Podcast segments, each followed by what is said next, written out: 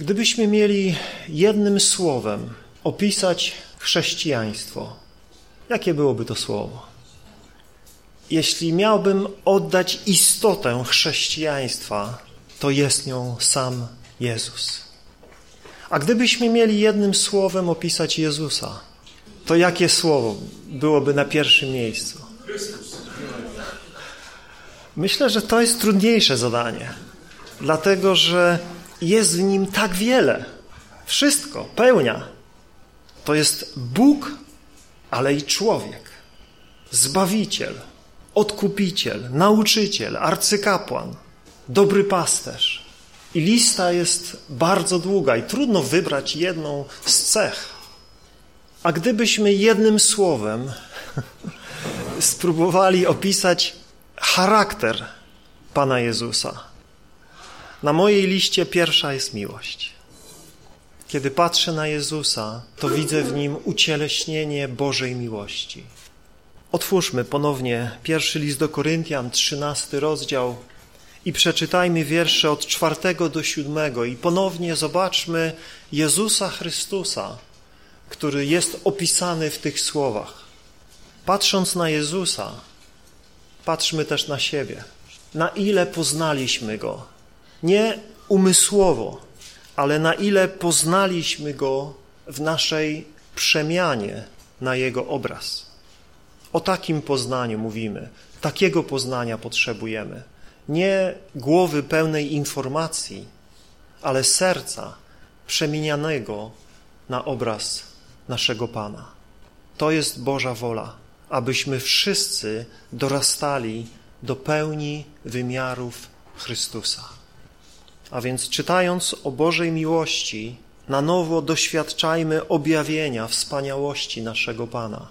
Ale niechaj te słowa będą wyzwaniem dla nas, aby w tym kierunku zdążać. To jest ta doskonalsza droga, którą apostoł Paweł wskazuje nam w kontekście duchowych darów, w kontekście posługi Kościoła, tymi wieloma darami, którymi Bóg nas obdarzył.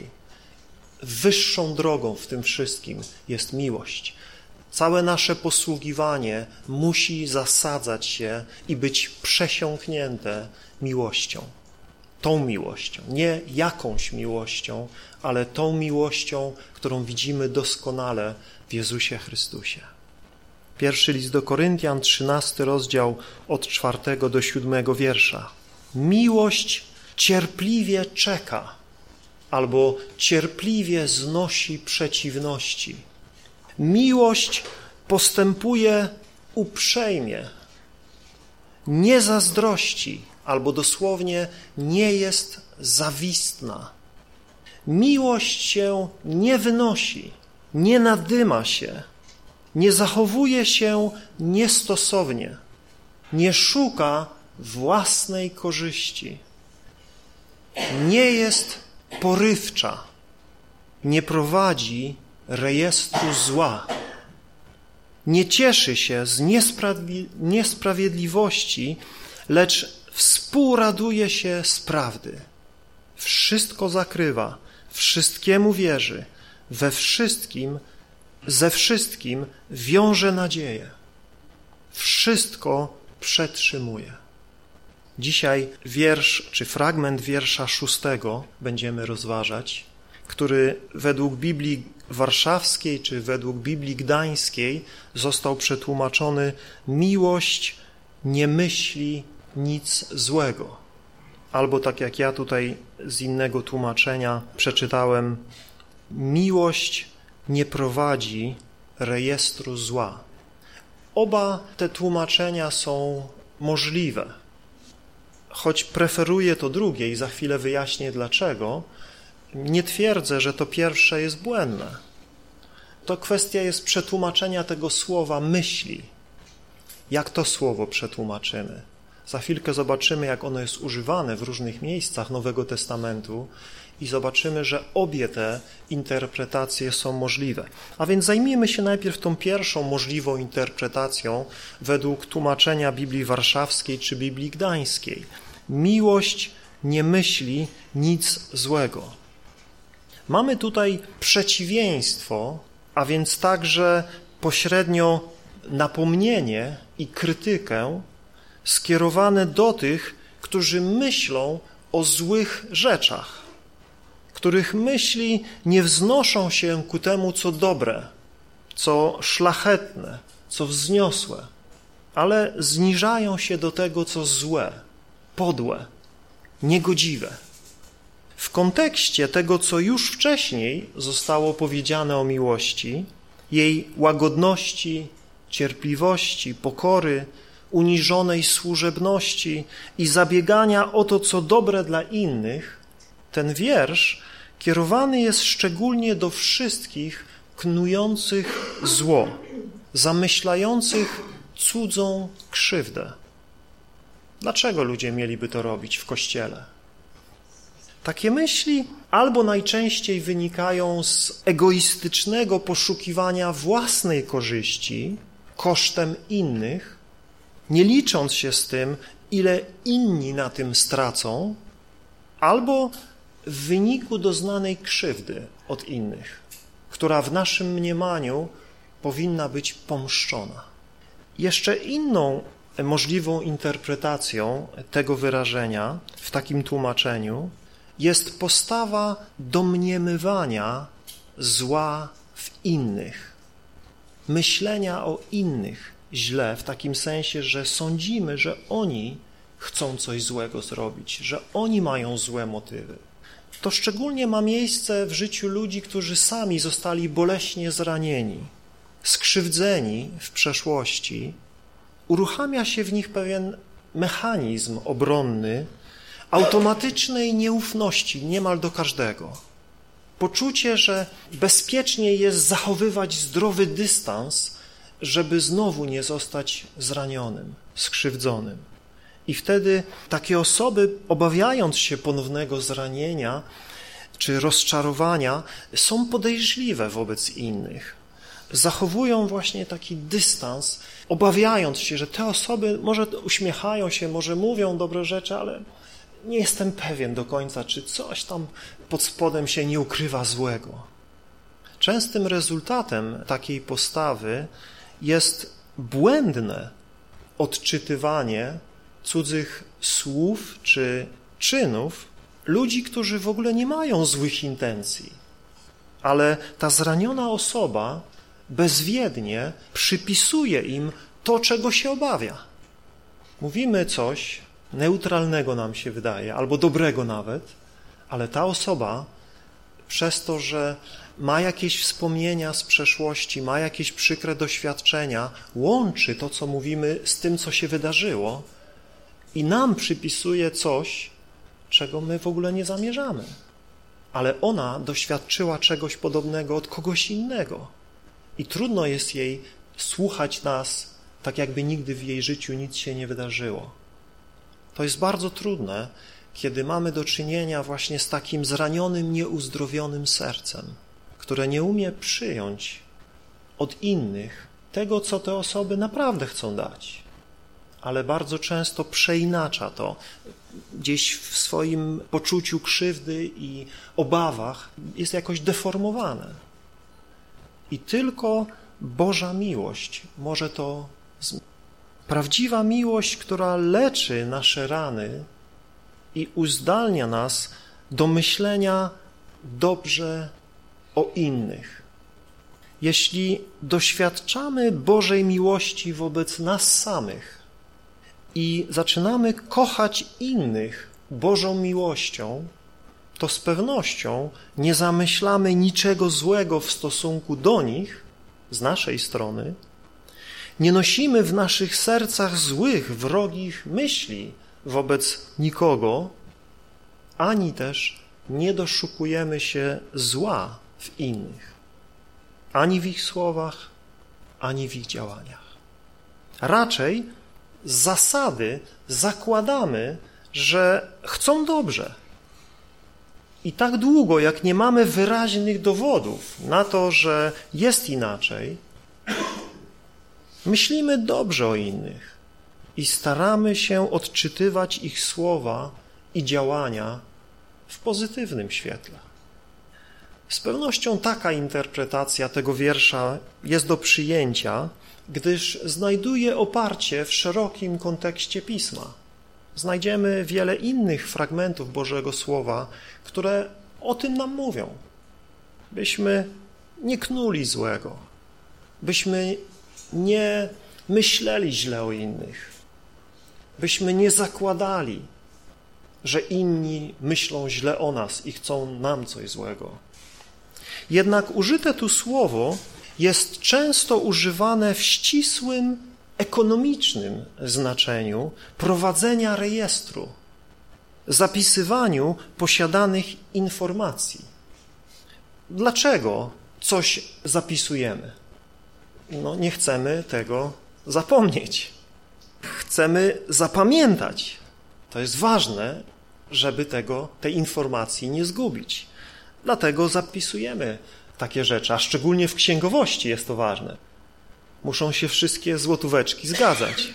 Dlatego rejestrujemy każdy wydatek i każdy przychód. I to słowo właśnie o tym mówi. To słowo ma takie znaczenie, ekonomiczne znaczenie prowadzenia rejestru.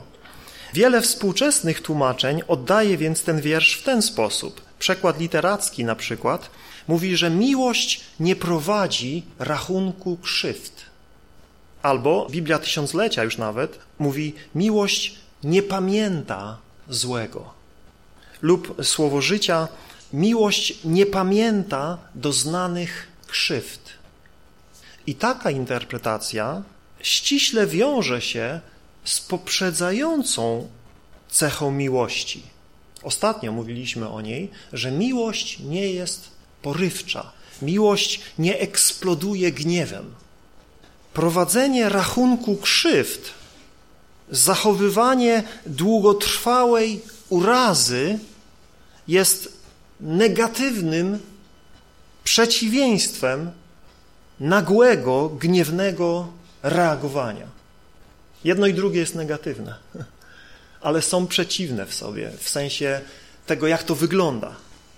Tutaj reakcja nie jest natychmiastowa i widoczna, jak przy gniewnej eksplozji, ale jest równie zabójcza. Ludzie reagują na stres, przykrości, trudne sytuacje na różne sposoby. Niektórzy reagują impulsywnie i eksplodują emocjonalnie. Zaczynają krzyczeć, kląć, złorzeczyć, grozić lub nawet posuwają się do przemocy fizycznej.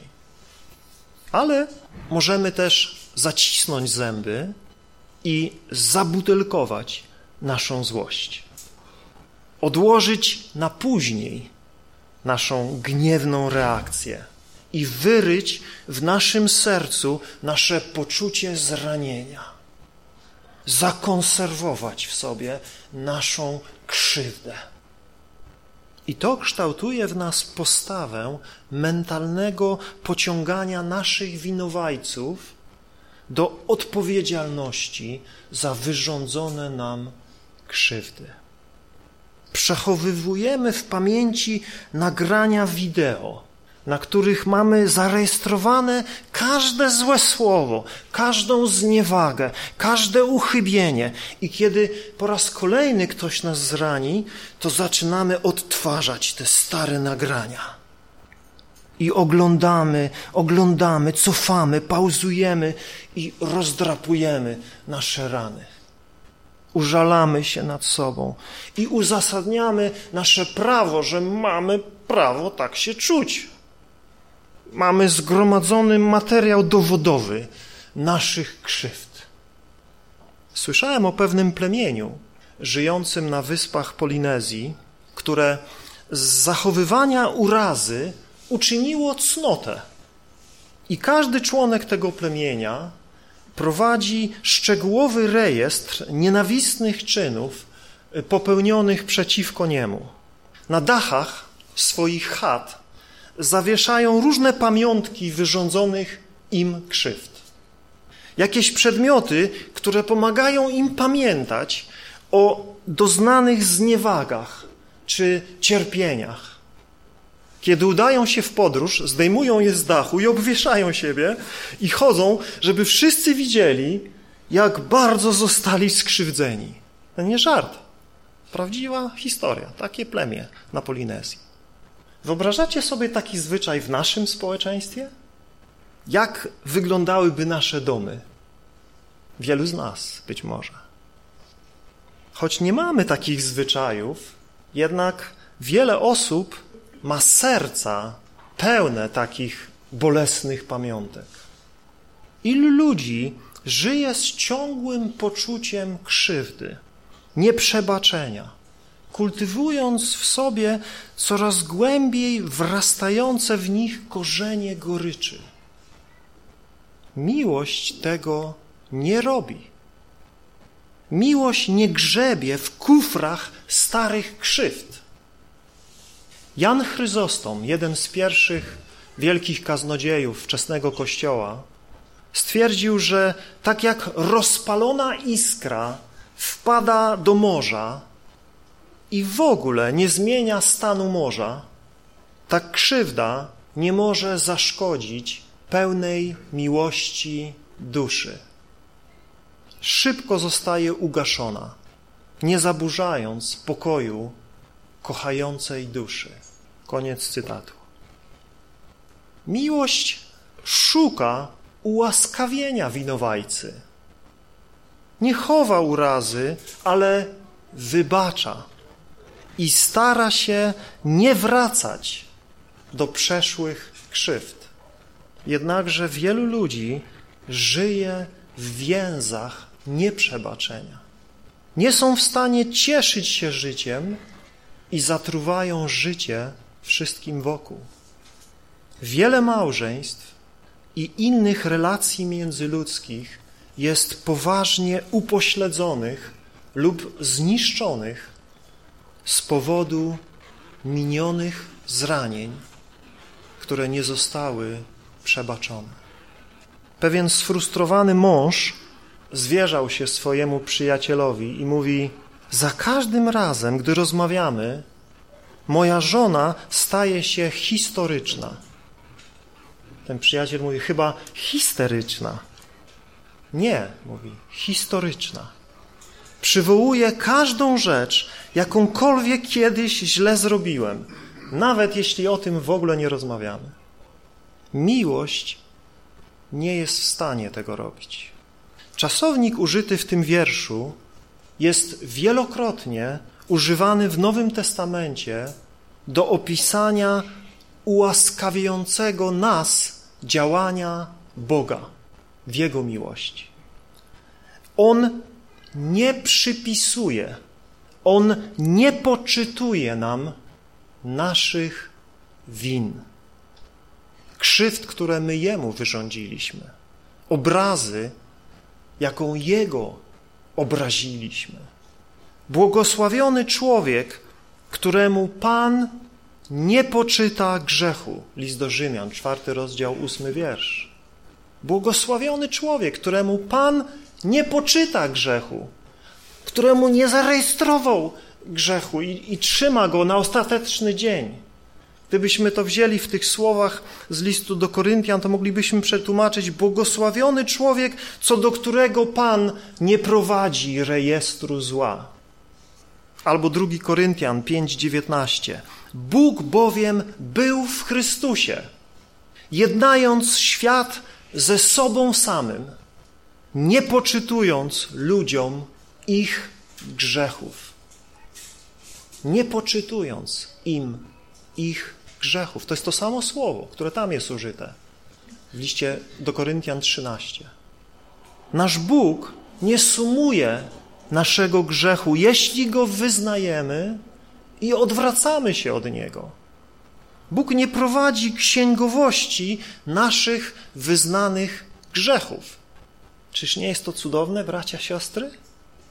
Czyż nie jest to wielki powód do naszej radości, że gdy staniemy tego wielkiego dnia przed naszym Bogiem, to On nie wyciągnie długiego rejestru wszystkich naszych złych myśli, słów, czynów, ale to wszystko jest usunięte sprzed Jego oblicza. Prorok Michał mówi, któż jest Bogiem jak Ty, który przebacza nieprawość i daruje występek. Gdy nawracamy się do Boga, wyznajemy Mu nasze grzechy, to co On z nimi robi? Zapisuje je na spiżowych tablicach? Nie. Czytamy, że nasze grzechy są usuwane tak daleko, jak wschód od zachodu. Zatopione w głębinach morza zapomnienia. Już nigdy nie wspominane. To jest miłość. Taka jest miłość. Zapomina i nie wspomina. Oczywiście Bóg ma taką możliwość, by zapomnieć, co tylko chce. My niestety nie mamy takiej możliwości. My zapominamy często to, co byśmy chcieli pamiętać. A pamiętamy to, czego czasami nie chcielibyśmy pamiętać. Nasz umysł działa tak, jak działa, ale jeśli Bóg jest Bogiem i mówi, że On nie wspomina naszych grzechów więcej, to rozumiem, że rzeczywiście ich nie wspomina. Tak jakby je zapomniał, tak jakby ich nie było. Albo jak daleko, powiedzcie mi, jest wschód od zachodu? Co to znaczy? To jest coś takiego, co nie ma szansy się nigdy ze sobą spotkać. To jest coś takiego, co oznacza nieskończoną odległość, tak? I Bóg tak daleko odsunął nasze winy od nas, jak wschód od zachodu, czyli tak daleko, że ich już nie ma. To jest naprawdę cudowne, jak Bóg nam przebacza. Jak Bóg nas traktuje w Jezusie Chrystusie nie patrząc na nas przez pryzmat tych wszystkich naszych wcześniejszych błędów, przez pryzmat tych wszystkich naszych, tego ile razy Go zawiedliśmy, ale przychodzimy do Niego w Jezusie Chrystusie i On widzi nas czystych, sprawiedliwych, tak jak swego Syna. Czasami my przychodzimy w tym poczuciu, Boże, jestem niegodny, Boże, tyle razy Cię zawiodłem, już tyle razy zawiodłem. Ale Bóg patrzy na nas. Jeśli wierzymy w Jezusa Chrystusa, jeśli prawdziwie w Nim się chronimy jako naszej sprawiedliwości, Bóg patrzy na nas i nie widzi naszych grzechów, nie widzi naszych starych rzeczy. On nie wspomina tego wszystkiego, nawet jeśli to trapi nasze serca. Bóg patrzy na nas w Jezusie Chrystusie i widzi swego Syna, widzi Jego sprawiedliwość. Oto czytamy, że my, którzyśmy przeoblekli się w Jezusa Chrystusa, przeoblekliśmy się w Jego sprawiedliwość. Nie stoimy przed Bogiem jak brudni, skalani grzechem, y, ci, którzy zawiedli Go już tyle razy i Bóg całą tą listę ma przed oczyma i wszystko pamięta, niczego nie zapomniał. Nie. Jego przebaczenie jest cudownym przebaczeniem i uświęceniem w Jezusie Chrystusie. Stoimy przed Nim w szatach sprawiedliwości Jego Syna i Bóg nie wspomina naszych grzechów i przestępstw. Jeśli Chrystus jest naszą sprawiedliwością, jeśli w Nim pokładamy ufność. Dlatego czytamy, że możemy ze śmiałą ufnością przystąpić do Bożego tronu. Ze śmiałą ufnością, tak jak Jego synowie i córki. Tak jak Jego Syn ze śmiałą ufnością przystępuje do swego Ojca. Tak i my w Jezusie Chrystusie. Do tego jesteśmy zaproszeni, dlatego, że Bóg tak nam przebacza. To jest miłość. I my także, bracia i siostry, jesteśmy wzywani do przebaczenia innym z całego serca. Tak, jak Bóg przebaczył nam w Chrystusie. Często potrzebujemy czasu, aby poradzić sobie z naszymi zranieniami i przezwyciężyć towarzyszący im ból. Ale jeśli chcemy, by nasze relacje z ludźmi dobrze się rozwijały i żeby nasza relacja z Bogiem była we właściwym miejscu, to musimy nauczyć się wybaczać. W liście do Efezjan w czwartym rozdziale 32 wierszu apostoł Paweł kieruje do nas takie wezwanie. Bądźcie dla siebie nawzajem życzliwi, miłosierni, przebaczając sobie, jak i wam Bóg przebaczył w Chrystusie. Nie ma innej opcji, bracia, siostry. Ja wiem, że przebaczenie czasami nie jest łatwe. Rany są bolesne i goją się dopiero po pewnym czasie. Osoba, która znalazła się w okropnym wypadku samochodowym, może mieć problemy z ponowną jazdą samochodem. A kiedy się nawet przemoże, może jeździć i być spięta przez długi, długi czas. Przebaczenie to nauka normalnego funkcjonowania i życzliwego traktowania innych ludzi pomimo zadanych nam ran. W Księdze Przypowieści czytamy, że roztropność człowieka powściąga jego gniew, a jego chwałą jest darować wykroczenie. Zobaczcie, mamy te dwie cechy miłości tutaj wzięte jakby z 13 rozdziału listu do Koryntian. Powściąganie gniewu, ale nie tylko powściąganie gniewu i przechowywanie, wiecie, urazy, ale dalej darowanie wykroczenia. Te dwie cechy miłości. Roztropność człowieka powściąga jego gniew, a jego chwałą jest darować wykroczenie. Przypowieści 19:11. W innym tłumaczeniu w Biblii Warszawskiej jest powiedziane: Jego chlubą jest, gdy zapomina o krzywdach. Kiedy komuś przebaczamy, to my automatycznie nie zapominamy. Nie zapominamy, że stało się coś złego, ale podejmujemy starania, aby to, co się stało, nie miało destrukcyjnego wpływu na nasze relacje z nimi. Pan Jezus mówi nam, że musimy przebaczać, ponieważ sami otrzymaliśmy przebaczenie. Więcej, Boże przebaczenie nam naszych win jest uzależnione od naszego przebaczenia innym ludziom, którzy zawinili wobec nas. Widzimy to bardzo wyraźnie w modlitwie Ojcze Nasz, w kazaniu na górze i w przypowieści o nielitościwym dłużniku. Gdy się modlimy modlitwą Ojcze Nasz, to prośbę o darowanie naszych grzechów poprzedzamy naszą deklaracją odpuszczenia przewinień naszym winowajcom. Przebacz nam nasze winy, tak jak i my przebaczamy tym, którzy wobec nas zawinili. Czy tak rzeczywiście jest? Czy tak rzeczywiście modlimy się? Jeśli tak się modlimy, to ta modlitwa, jakby ten kij ma dwa końce. Jeśli przebaczyliśmy, to Bóg nam przebaczy. Ale jeśli nie przebaczyliśmy, to prosimy Boga, by nam nie przebaczył. Tak? Przebacz nam tak samo, jak my przebaczyliśmy. Rozumiemy to? Czyli jeśli my nie przebaczyliśmy, to prosimy Boga, żeby On nam nie przebaczył.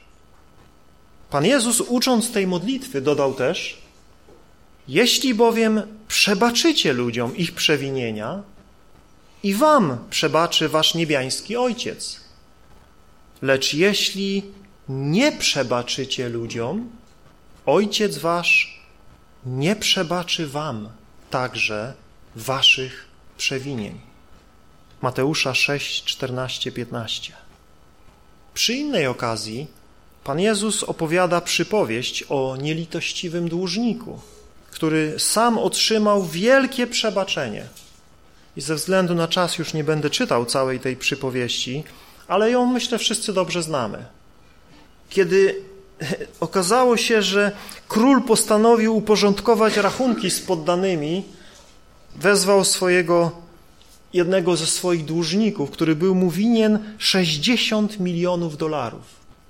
Tak to mniej więcej przeliczają na dzisiejsze pieniądze. 60 milionów dolarów. Ten człowiek nie miał z czego oddać, zaczął błagać, prosić, żeby się zlitował, że on odda wszystko jakoś tam, że uda mu się, a ten wiedział, że to jest nie do oddania i zlitował się nad nim i umorzył mu to wszystko. A ten, gdy wyszedł, spotkał kolegę, swojego sługę, który był mu winien 100 dolarów. Doskoczył do niego, chwycił go za gardło i syknął, oddaj coś winien. A kolega padł na kolana, zaczął prosić, okaż mi cierpliwość, oddam ci wszystko. A ten nie, do więzienia z nim. I kiedy król się o tym dowiedział, wezwał przed siebie tego niewdzięcznego dłużnika i powiedział, ty niegodziwcze, umorzyłem ci cały ten dług, dlatego że mnie prosiłeś. Czy i ty nie powinieneś zlitować się nad swoim kolegą? Tak jak ja zlitowałem się nad tobą? I rozgniewany wydał go dozorcom więziennym, by zajęli się nim, dopóki wszystkiego nie spłaci. I Pan Jezus mówi, podobnie mój Ojciec, podobnie mój Ojciec w niebie uczyni z wami, jeśli któryś z was z całego serca nie wybaczy swemu bratu. Zobaczcie, przyszedł, prosił o litość, otrzymał przebaczenie, ale potem to zostało cofnięte, dlatego że on nie okazał tego samego miłosierdzia, jakim został obdarzony. Błogosławieni miłosierni, albowiem oni dostąpią miłosierdzia. Ta przypowieść była odpowiedzią na pytanie Piotra, który przyszedł i powiedział, Panie, ile razy mam przebaczyć, jeśli mój brat zawini wobec mnie? Czy aż siedem razy? Zobaczcie, jak Piotr wysoko postawił poprzeczkę. Siedem razy, wow! Za ósmym już mu nie daruję, ale siedem razy jestem gotów znieść. Panie, czy to wystarczy? Siedem razy wystarczy? Tak wysoko, zobacz, jak ustawiłem poprzeczkę. I wiecie, co Jezus odpowiada. Nie siedem razy, ale siedemdziesiąt siedem albo siedemdziesiąt razy siedem. Tutaj to wyrażenie nie jest jednoznaczne. Załóżmy, że było siedemdziesiąt siedem. Czy to oznaczało, że teraz prowadzimy rejestr już siedemdziesiąt? Zaraz się za niego wezmę, nie? Siedemdziesiąt siedem, siedemdziesiąt osiem, ja ci dam ty. Przebaczyłem siedemdziesiąt siedem razy, tak? Czy w ten sposób to rozumiemy? Mam nadzieję, że nie. Tu nie chodzi o to, że mamy notować wszystkie przewinienia, aż się miarka przebierze i wtedy się dobierzemy do naszych winowajców, ale Pan Jezus, tutaj ten, ten, to jest idiom, to jest hebrajski idiom, który oznacza nieskończoność. Siedem było liczbą pełni, a 77 albo 70 razy 7 to była nieskończoność w idiomatycznym języku. A więc Pan Jezus mówi, że nie ma co liczyć przewinień, tylko co trzeba przebaczać. I tyle. Tyle razy, ile będzie wymagało życie. Jest mnóstwo drobnych rzeczy, które niszczą międzyludzkie relacje. I naprawdę jakże pomocne dla nas jest zrozumienie tego, co można by nazwać osądem miłosierdzia. Zauważcie, że naszą naturalną tendencją jest oczekiwanie od ludzi wokół nas, że podejdą do nas z wyrozumiałością. Gdy nam coś złego się wydarzy, że oni zrozumieją, że my nie chcieliśmy nic złego, że tak po prostu nam wyszło, tak? Jak się spóźnimy, to chcemy, żeby inni zrozumieli, że zostaliśmy nieuchronnie zatrzymani.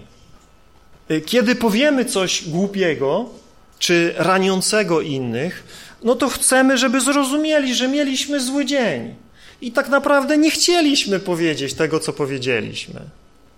Kiedy zrobimy coś, co stwarza problem dla kogoś innego, to chcemy, żeby wybaczyli nam, bo przecież my chcieliśmy dobrze. Czyż nie jest tak, że oczekujemy takiego miłosiernego traktowania nas przez innych? Z drugiej strony mamy tendencję do zakładania najgorszego, jeśli chodzi o innych. Nie osądzamy ich tak miłosiernie, jak chcielibyśmy sami być przez nich osądzeni.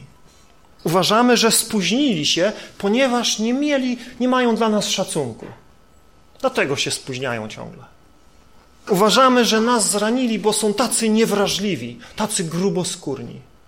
Przypisujemy innym złe motywy i twierdzimy, że celowo spowodowali nasz ból.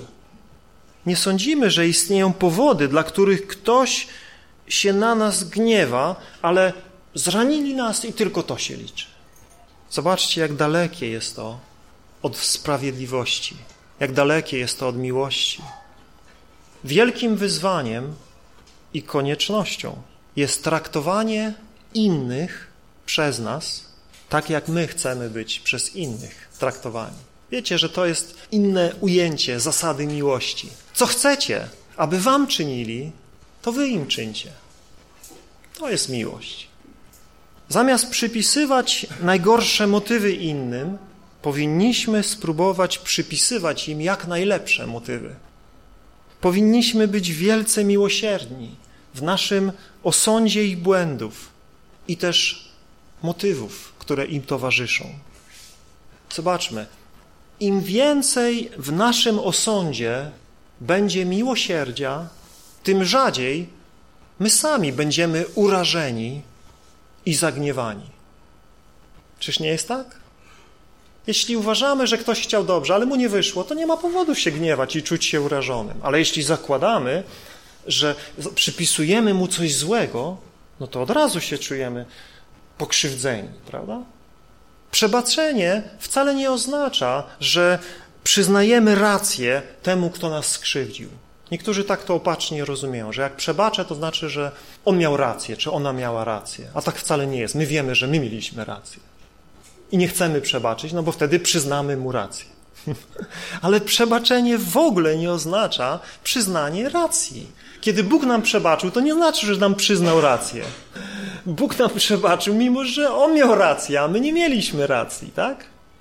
Więc kiedy komuś przebaczamy i nie wspominamy, to nie przyznajemy w ten sposób, że miał rację, że mógł tak zrobić, że mógł się tak zachować. Nie, to wcale tego nie oznacza. Przebaczenie jest raczej złożeniem cudzej winy w Boże ręce. Ufając, że Bóg jest sprawiedliwy i zrobi to, co jest słuszne. Pan Jezus z pewnością sam praktykował to, czego nauczał. On powiedział, żebyśmy złożyli w ręce Boże pomstę, żebyśmy sami się nie mścili, ale że pomsta należy do Boga. I kiedy Pan Jezus konał w niewymownym bólu na krzyżu, to nie prosił Ojca w niebie o sąd nad swoimi ciemiężycielami, nie bluźnił im, nie złorzeczył im, nie zapowiadał im wielkiej kary w nadchodzący dzień sądu, ale co robił? Czytamy, że prosił Ojca, by przebaczył im, ponieważ wiedział, że oni nie wiedzą, co czynią. Zobaczcie, jakie motywy Pan Jezus im przypisuje. Przypisuje im nieświadomość. I tak się modli. Ojcze, przebacz im, bo nie wiedzą, co czynią. Podobnie pierwszy męczennik, Szczepan, umierając pod gradem kamieni, modlił się, Panie, nie policz im tego grzechu. I w kolejnych wiekach i dzisiaj wielu wyznawców Chrystusa stanęło przed podobnymi wyzwaniami, modląc się o swoich prześladowców i zabójców, a nie domagając się zemsty. Ich postawa winna być dla nas wielką zachętą do tego, żebyśmy zanosili modlitwy przebaczenia w naszych codziennych nieporozumieniach, zatargach, konfliktach i doznawanych krzywdach. Bracia i siostry, nie łudźmy się, żyjemy w świecie skażonym grzechem. My sami zmagamy się z grzechem i ludzie wokół nas, nawet nasi najświętsi bracia i siostry, zmagają się z grzechem.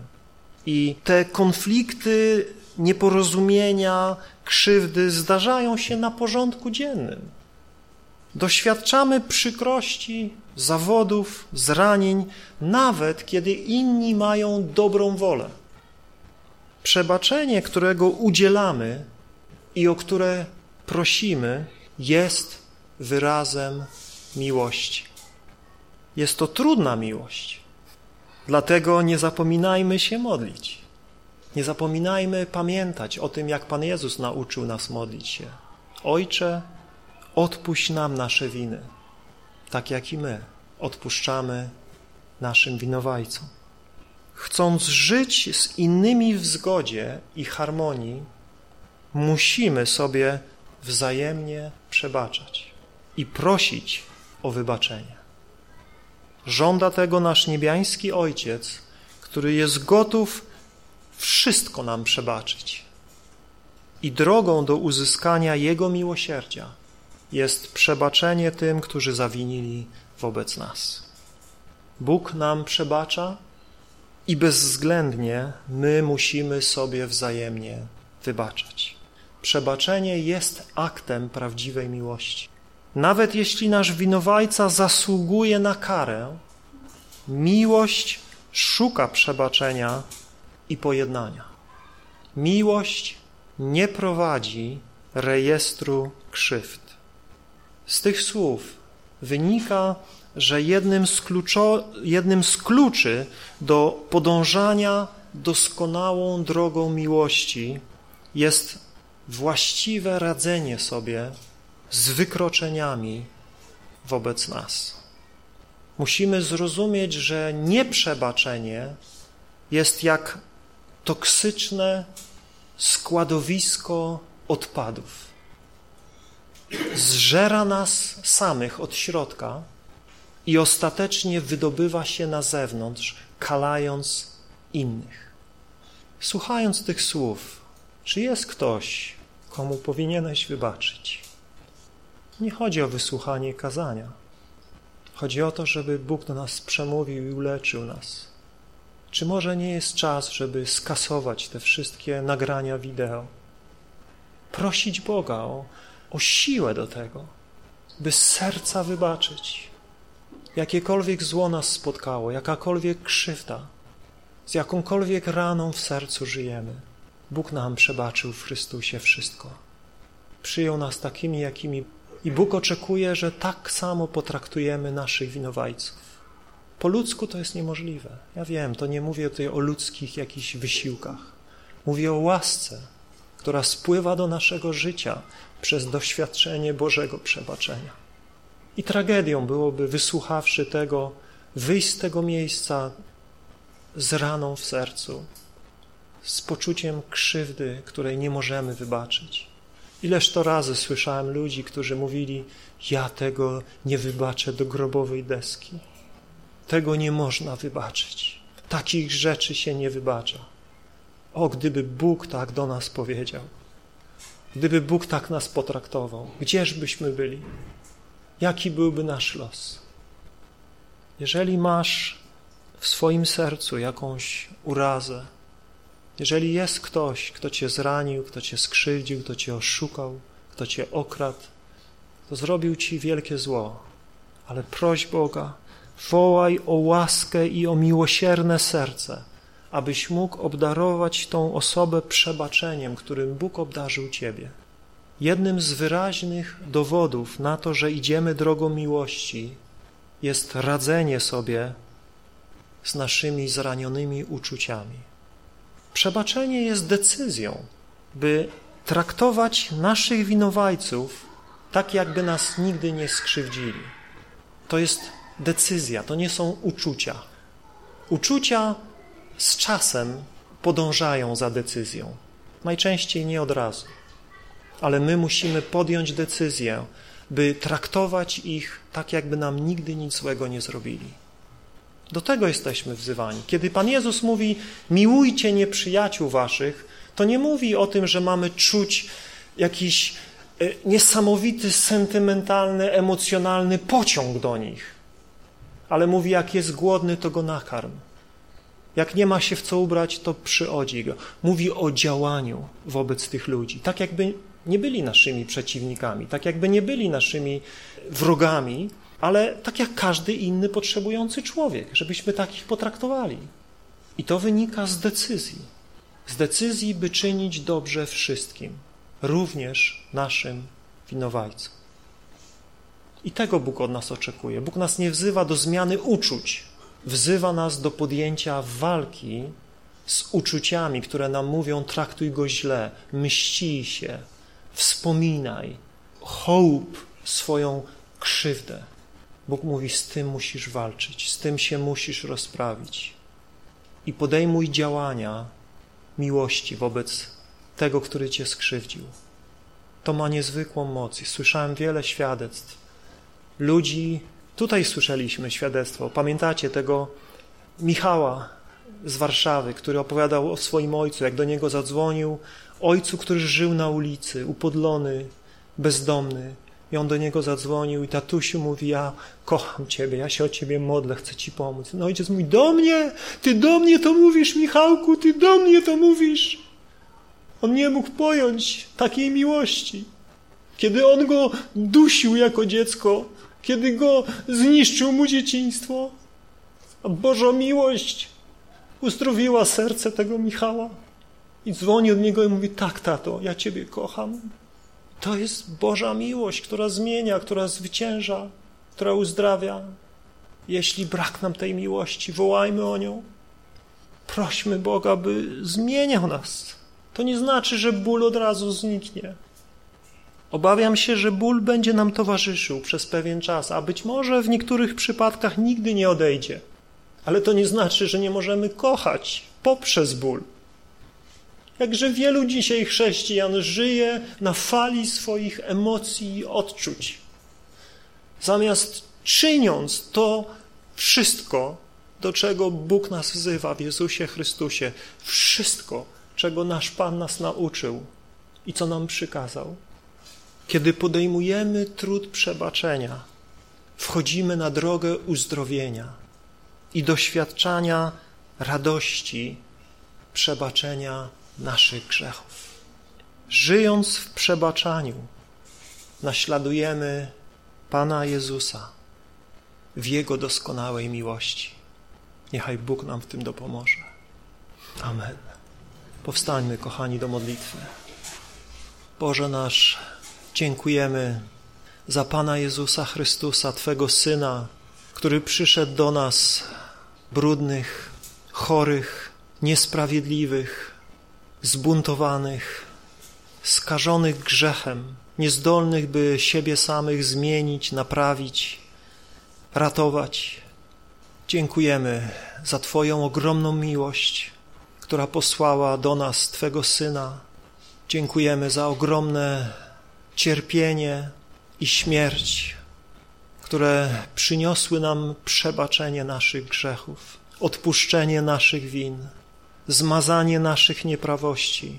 Także możemy stać przed Tobą z czystym sercem, oddychając pełną piersią, bez lęku, bez bojaźni, wiedząc, że w Jezusie Chrystusie przyjmujesz nas, kochasz nas, akceptujesz nas, nasze grzechy, przewinienia zmazane, a my przeobleczeni w czystą szatę sprawiedliwości Twego Syna mamy przystęp do Twojego tronu łaski. Panie, pomóż nam rozumieć głębie Twej miłości do nas, cudowność Twojego przebaczenia nam wszystkich naszych win, wszystkich naszych nieprawości. I Panie, niechaj Twoja miłość wypełnia nasze serca, abyśmy tak też traktowali innych, jak przez Ciebie zostaliśmy potraktowani. Obyśmy umieli przebaczać i to z serca przebaczać i kochać tych, którzy wobec nas zawinili, nie życzyć im źle, ale życzyć im dobrze, modlić się o nich, błogosławić ich.